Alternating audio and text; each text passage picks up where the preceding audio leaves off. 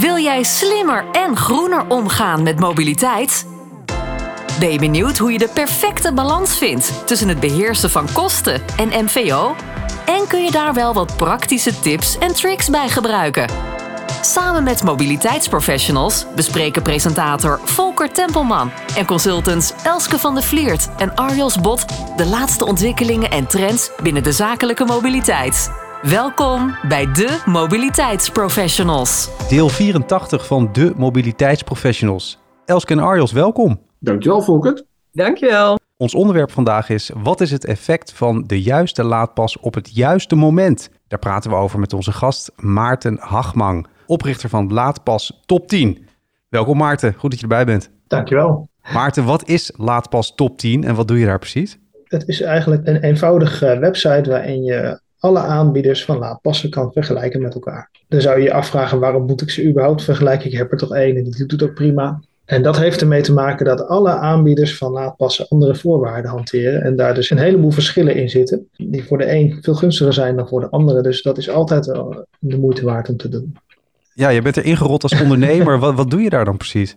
Op een gegeven moment uh, ontdekte ik dat er meer dan één uh, aanbieder was voor laadpassen. En dat ja, dat daar ook verschillende tarieven voor werden gevraagd, zeg maar. Dus, dus uh, bij dezelfde laadpaal kon je met laadpas 1 ja, 30% goedkoper laden dan met laadpas 2. Toen dacht ik, hé, hey, hier zit deze verschillen, ja, die moeten verteld worden, zeg maar, aan mensen. Gewoon om, uh, om, om de doodsimpele reden dat dan die markt ook kan groeien. Dat er concurrentie ontstaat. Ja, hoe aantrekkelijker elektrisch rijden voor mensen wordt, hoe sneller er ook meer mensen elektrisch gaan rijden. En dat is dan weer goed voor de hele ja, energietransitie.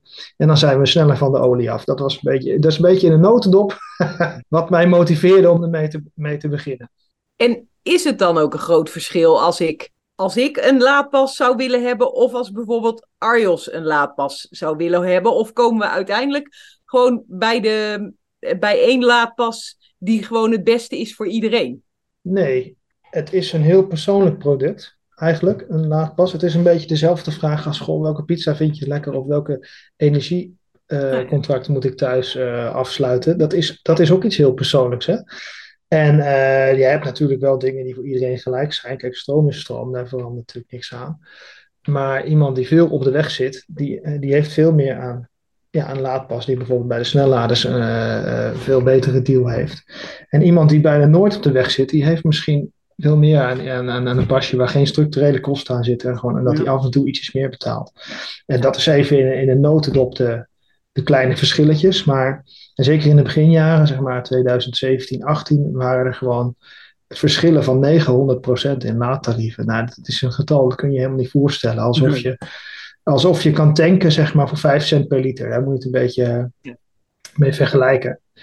En uh, ja, en dat, dat vonden heel veel mensen natuurlijk hartstikke interessant. Dus daar publiceerde ik dan veel over. En zo, uh, ja, zo is het platform al heel snel gegroeid. En kun je nu zeggen dat uh, tarieven en voorwaarden in die jaren wat meer naar elkaar toegekropen zijn, zeg maar? Dat dat, dat een, een, een resultaat is van uh, nou ja, marktwerking en misschien ook wel van laadpas? Ja, ja, absoluut. Uh, in het begin zag je, ja, dat, dat noemen we dan met z'n allen disruptive marketing. Dat was gewoon de norm. Dus uh, iemand dacht van, hé, hey, uh, ik heb een product en die wil ik kosten wat het kost aan minimaal 100.000 mensen verkopen. En dan gingen ze hele rare dingen doen met de tarieven of met de voorwaarden. Maar, om maar zoveel mogelijk op te vallen en zoveel mogelijk klanten te, ja, aan zich te binden. Ja, ja. En, nu, en nu is die, ja, die trend is gewoon echt voorbij. Uh, je merkt dat, ze, dat ja, stroom is, uh, zeker sinds uh, de oorlog in Oekraïne natuurlijk, is, en, is de energiemarkt best op onder spanning komen te staan. Ja. En dat heeft er ook aan bijgedragen dat ook mensen dat steeds serieuzer begonnen te nemen. Eerst was het een soort, ja, een soort speeltje van de corporates eigenlijk. Van nou, laten we eens kijken wat we met, met, met elektriciteit en met e-mobility kunnen doen. En nu, en nu wordt het gewoon een steeds volwassener product met ongeveer dezelfde voorwaarden. En nu worden er ook veel meer vragen gesteld als uh, ja, bijvoorbeeld wie is er verantwoordelijk voor als een, uh, als een laadsessie misgaat en je moet twee keer zoveel betalen. Hoe, hoe ga je met dat soort uh, vraagstukken om? Dat waren gewoon dingen die, die jaren geleden, er stond helemaal niemand bij stil. Iedereen, iedereen verkocht gewoon zijn product en, en, en, en, en gebruikte het.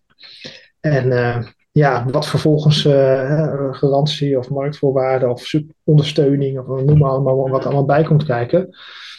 Uh, er, werd helemaal geen, er was ook geen regulering voor. Hè? Dus ja, waarom zou je vragen stellen? Waarom zou je vragen over stellen als je gewoon uh, geld tot het dienen bent? Maar is het nog steeds wel even leuk dan als in het begin? Het, het klinkt bijna serieuzer nu. Ja, maar dit is ook serieuzer. want we hebben 400.000 rijders in Nederland met, met een voertuig waar een stekker uh, in kan, zeg maar. En toen waren het er, uh, nou ja, 50.000 of zo. Ja. En dat betekende eigenlijk, voor, kijk, voor nerds is dat leuker, hè? Dan heb je veel meer, ja, om handen, veel meer, er zit veel meer uh, beweging, zeg maar, in die, in die markt. Er gaan ook veel meer dingen mis. Ja. Maar ja, voor de mainstream is dat natuurlijk niet het beste antwoord. En dan, dan moet daar gewoon een, een, product of een dienst staan wat gewoon altijd goed werkt voor iedereen. En dat je, hè, dat je zelfs je oma of iemand uh, in je omgeving die wat, wat ouder is, die, die moeite heeft zich, zich aan te passen aan nieuwe ontwikkelingen, gewoon met een vertrouwd gevoel op pad kan sturen. En dat, je, dat je gewoon weet, van, nou, dan, kan, dan kan ze overal uh, de autootjes opladen en lekker dat hele land heen cruisen, zeg maar. Dat, dat was absoluut toen nog niet het geval. Luister naar de mobiliteitsprofessionals en hoor van mobiliteitsprofessionals de laatste ontwikkelingen en trends binnen de zakelijke mobiliteit. En wat doe jij dan specifiek? Waar hou jij je dagelijks mee bezig?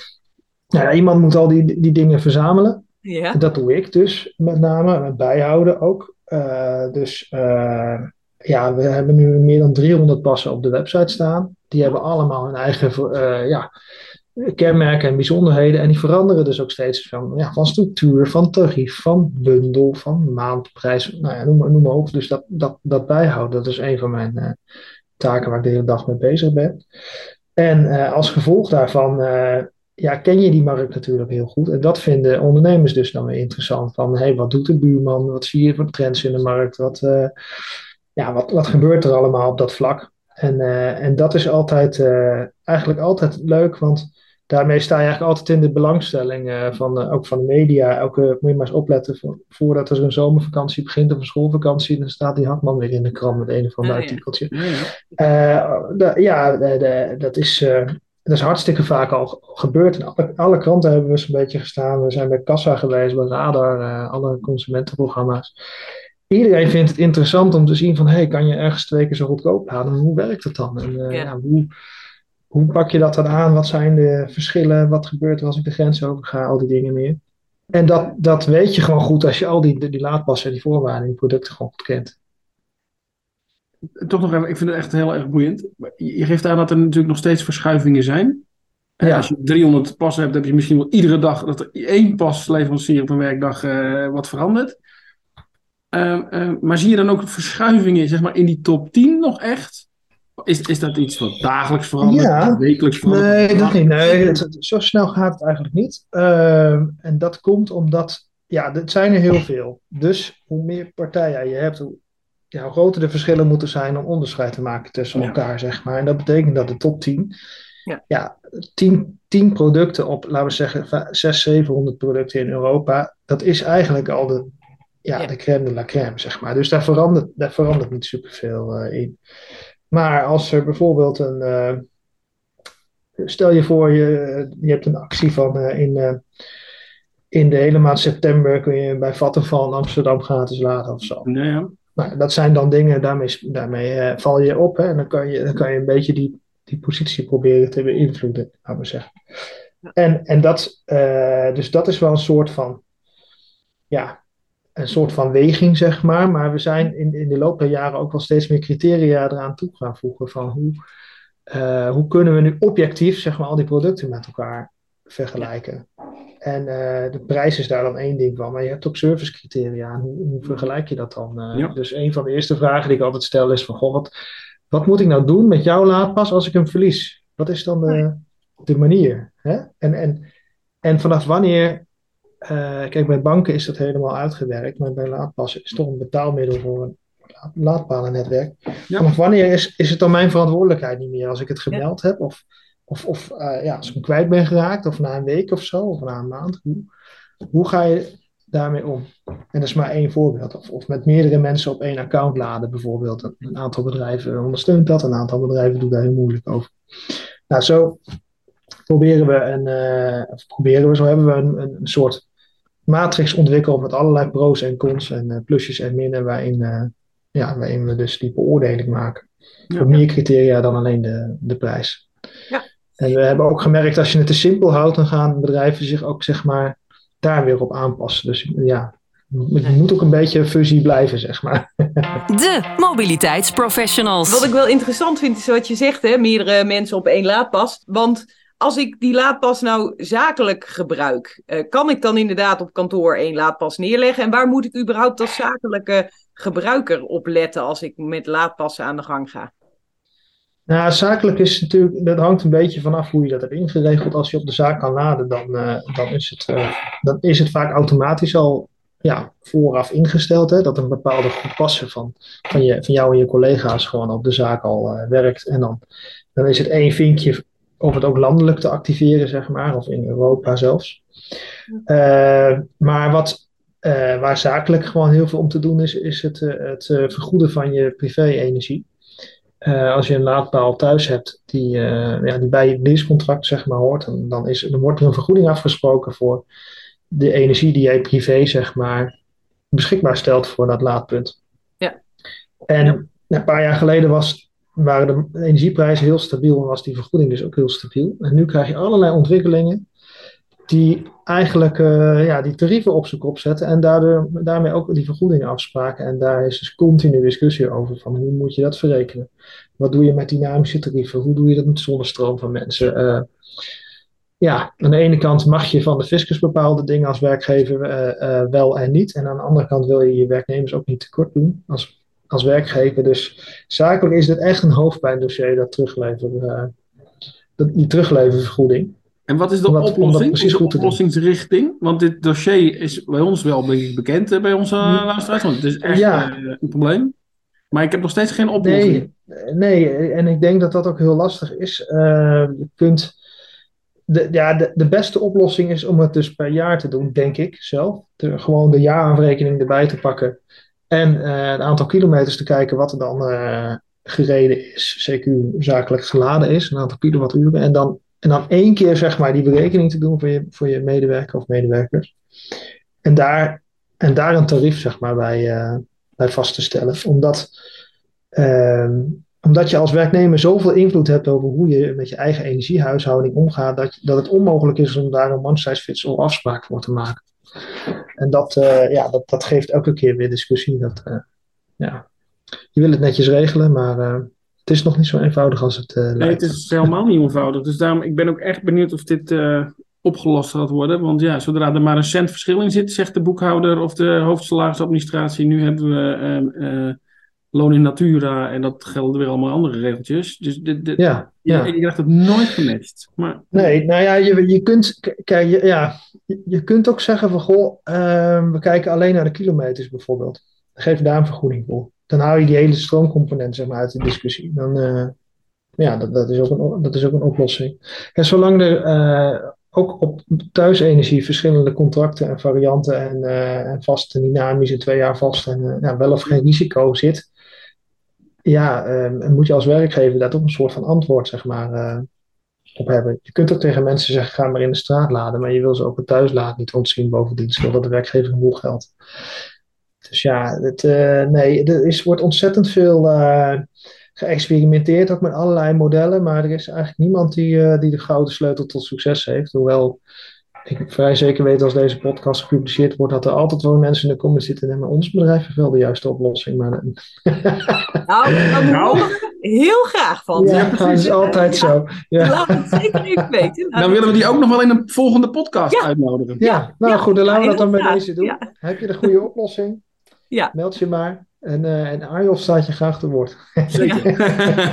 Wil jij slimmer en groener omgaan met mobiliteit? Luister dan naar de mobiliteitsprofessionals en ontdek de laatste ontwikkelingen en trends binnen de zakelijke mobiliteit. Kun je een beetje een eh, overzicht geven van wat voor laadpassen zijn er nou? Wat zijn nou de, de verschillen eigenlijk?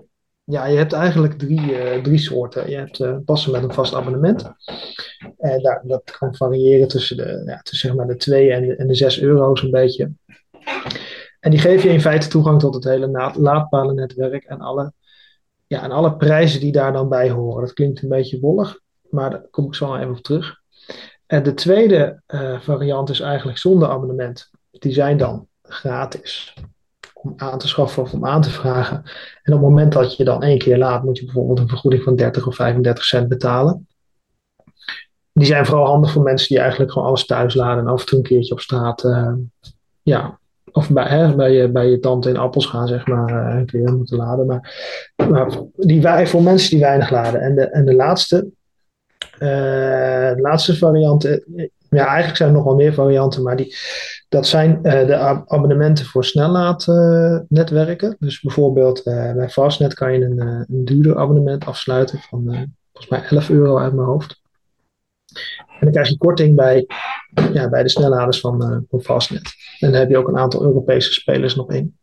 En dat is echt handig als je bijvoorbeeld ja, een lange roadtrip gaat maken of een maand of twee maanden Europa in wil. En ja, dan kan je daar aanzienlijk mee besparen.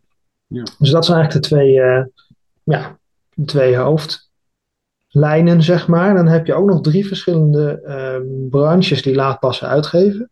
De eerste is de, ja, de utilities, dus de, de energiemaatschappijen, zullen we maar zeggen. Die, uh, die klassiek gezien vanuit hun rol uh, ja, al heel vroeg bij die laadpasdiscussie betrokken waren. En dus ook allemaal een laadpas uitgeven. Eneco, Vattenfall, uh, et cetera. Mm -hmm. En dan heb je de, de autofabrikanten, die ook allemaal daar een, uh, een, rol in willen spelen en ook spelen. En ook allemaal zeggen: wij hebben de beste laadpas en je moet gewoon dit product van Volkswagen, Audi of, uh, of Kia of zo nemen. -huh. En, en de laatste groep, dat zijn de fossil fuel bedrijven. Dus ja, de Shells en de PPE's en. En, en, de Esso's die allemaal zeggen van ja, je was al klant bij ons voor brandstof. Nu verandert alleen het soort brandstof. Dus ja, je blijft gewoon onze klant. En dat is eigenlijk wel grappig, want dat geeft een soort uh, dynamiek van drie grootmachten die eigenlijk om, de, om, ja, om dezelfde klant strijden. Mm-hmm. Terwijl die klant waarschijnlijk al bij één of twee, of soms wel drie uh, van die grootmachten al klant is.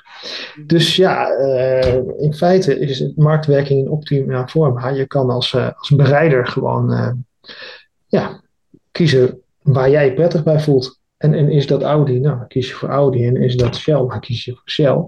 Dan is het Vattenfall, dan kies je voor Vattenfall. Maar die, die drie branches hebben verder echt geen zak met elkaar te maken, normaal gesproken, in het dagelijks leven. Dus die kennen elkaar ook helemaal niet. Dus, dus dat maakt het voor uh, partijen zoals wij, die er onafhankelijk tussen zitten, ja, hartstikke uh, grappig eigenlijk, omdat je vanuit drie verschillende invalshoeken uh, ja, meemaakt hoe, ja, hoe die strijd gevoerd wordt, laten we zeggen. En als ik nu naar de top 10 kijk op de site, dan staat inderdaad uh, Shell Recharge bovenaan. Dat is eentje uit ja. uh, van de oude garde, zou je kunnen zeggen, Maarten. Ja, dat, dat, dat, is gek, hè? Dan zou je zeggen, wat weten zij nou van de elektrische ja. mobiliteit? Maar zij zijn in, uh, in 2007, nee, 19 hebben zij New Motion overgenomen. En New Motion is juist een van de voor, voorlopers in elektrische mobiliteit. En dat hebben zij gewoon heel slim gedaan. Waardoor ze in één klap ehm, ja, de grootste marktspeler van die tijd, zeg maar, uh, ja, gekocht hebben. Ja. En, uh, en dus ook alle kennis en uh, ja, contract, contracten die, ze, die zij hadden. Dus dat is, dat is een verklaring. Luister naar de mobiliteitsprofessionals. En hoor van mobiliteitsprofessionals de laatste ontwikkelingen en trends binnen de zakelijke mobiliteit. Loont het nou ook nog om meerdere passen te hebben? Ja, dat loont eigenlijk altijd. Maar dat hangt wel een beetje van je avontuurlijkheid af. Dus als je zegt van goh, dat is niks voor mij, ik wil, niet, uh, ik wil daar niet bewust mee bezig zijn, dan doe het vooral niet. maar vind je het leuk om gewoon altijd de scherpste deal te hebben, dan, uh, dan past het wel bij jou. Het is een beetje als dezelfde mensen die met zo'n hele waaie klantenkaarten zeg maar, in de winkel staan. Ja. Nou, voor die mensen is het interessant. en voor mensen die, die gewoon uh, nou, een normaal leven hebben, zullen we maar zeggen, die kiezen er meestal één of twee.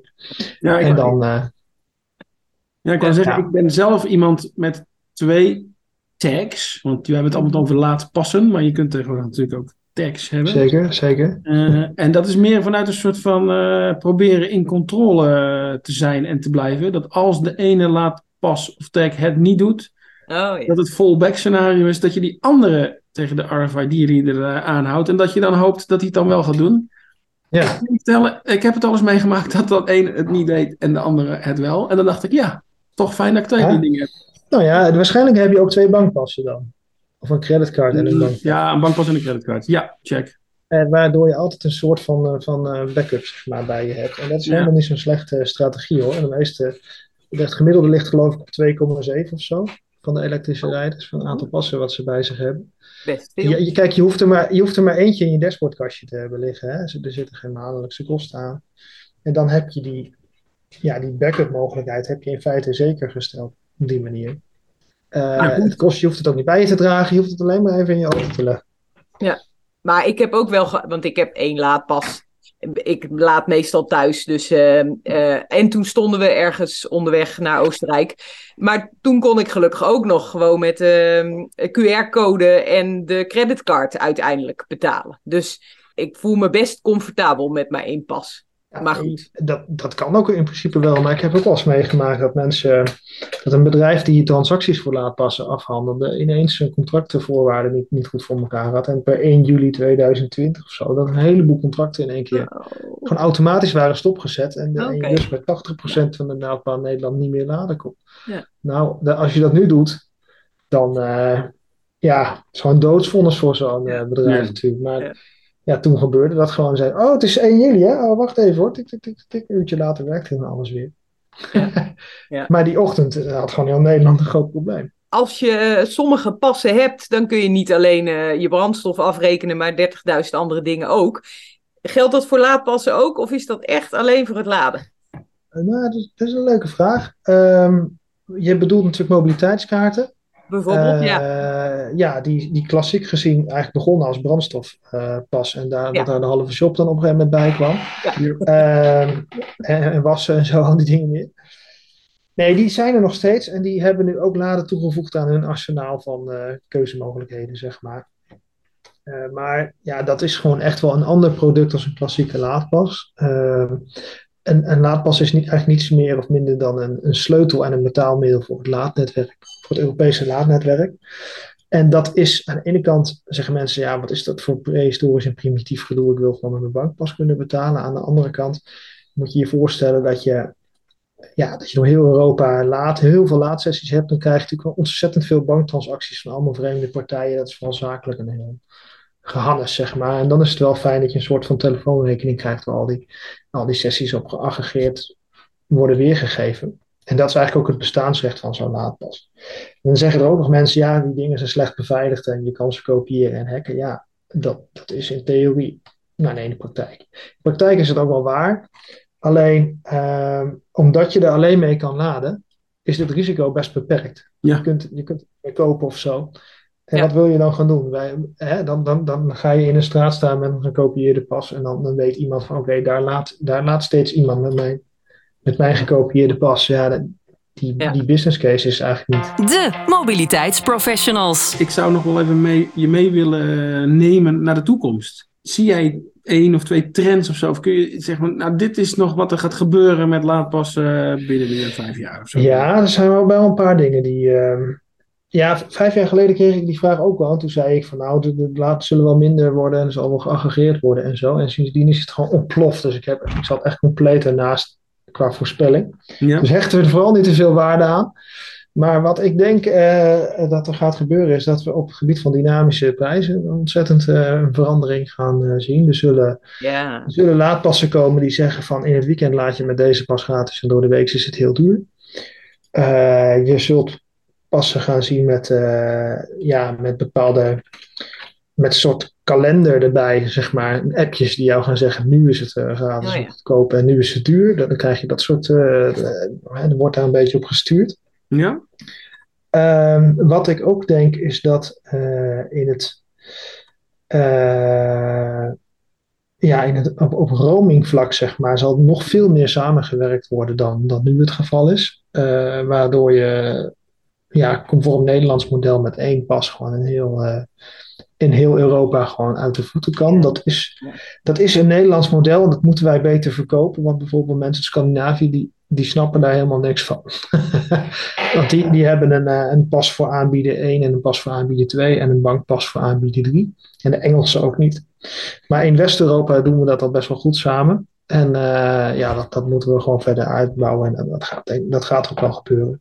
Ik denk dat er ook, uh, ook steeds meer gesteund gaat worden met allerlei snellaadnetwerken. Zoals wat Tesla nu bijvoorbeeld langzaam een beetje aan het doen is hun netwerk gaat openen voor elektrisch vervoer van andere voertuigen dat, dat zul, ja, daar gaan op een gegeven moment ook uh, dingen in de tarieven zeg maar, uh, veranderen. Als we straks overschotten krijgen van groene energie, wat nu in dit weekend vaak al voorkomt, dan, dan zul je, ja, dan heb je als groep bereiders heb je, heb je eigenlijk de sleutel in handen om dat overschot weg te nemen, hè, door gewoon ja. te gaan laden. Ja. En daar zullen allerlei businessmodellen in ontstaan, waar, ja, waardoor het voor de EV-rijder gewoon steeds gunstiger en misschien zelfs gratis wordt ja, om te kunnen laden en je dus te kunnen, te kunnen voortbewegen. Um, wat gelijk wel allerlei andere gekke consequenties tot gevolg heeft. Wat, wat, ja, dan wordt ineens je auto een verdienmodel. wat betekent dat dan in maatschappelijk opzicht uh, ja, voor uh, de Belastingdienst, uh, ja. voor de ja. wet en regelgeving daaromheen? dus er gaat hartstikke veel veranderen. ja, niemand weet precies wanneer en hoe snel en en, eh, ja, en hoe dat er dan uh, uit gaat zien, maar, maar dat er veel aan gaat veranderen, dat, dat lijkt mij wel duidelijk. Ja, interessant al die ontwikkelingen. En uh, ook wel echt een goede reden, denk ik, Elske en Arjos, om Maarten over een tijd weer uit te nodigen in de podcast. Om te kijken hoe dan de situatie is en wat er, ja, wat er veranderd is. Ja, ja, ja veranderd is. lijkt me wel. Dat moeten we dan doen, want dit was hem voor nu. Dit was deel 84 van de mobiliteitsprofessionals. Te gast was Maarten Hagmang. Hij is van Laatpas Top 10. Maarten, dankjewel. Alsjeblieft.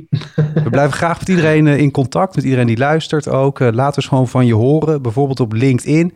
Je kan een bericht maken en dan ons gewoon taggen. Ik ben altijd heel benieuwd waar iedereen te vinden is online. Maarten, kunnen mensen jou bijvoorbeeld een, mail sturen of jou taggen ergens op Ja hoor, op LinkedIn. Ja, ik heb natuurlijk op Laatpas op 10, op de contactpagina kan je, kan je alles terugvinden.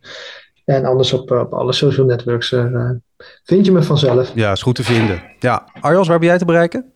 Ik ben te bereiken op uh, e-mail arios.bot.arval.nl of uh, op LinkedIn ook, zeker. Te taggen, en ik hoor inderdaad. graag wat je vindt van deze podcast. En of je nu een idee hebt voor een volgend onderwerp. Tot slot, Elske, waar ben jij te bereiken? Ook ik ben te vinden op LinkedIn en je kunt mij natuurlijk mailen op vandevliert.zero-e.nl. Duidelijk. Iedereen bedankt voor het luisteren. Je kan de podcast van de mobiliteitsprofessionals terugvinden op de website dat is demobiliteitsprofessionals.nl en natuurlijk in je eigen favoriete podcast-app. Bedankt voor het luisteren naar de Mobiliteitsprofessionals. Volgende keer zijn we er weer met een andere gast en nog meer relevante ontwikkelingen en tips rondom zakelijke mobiliteit. Tot dan!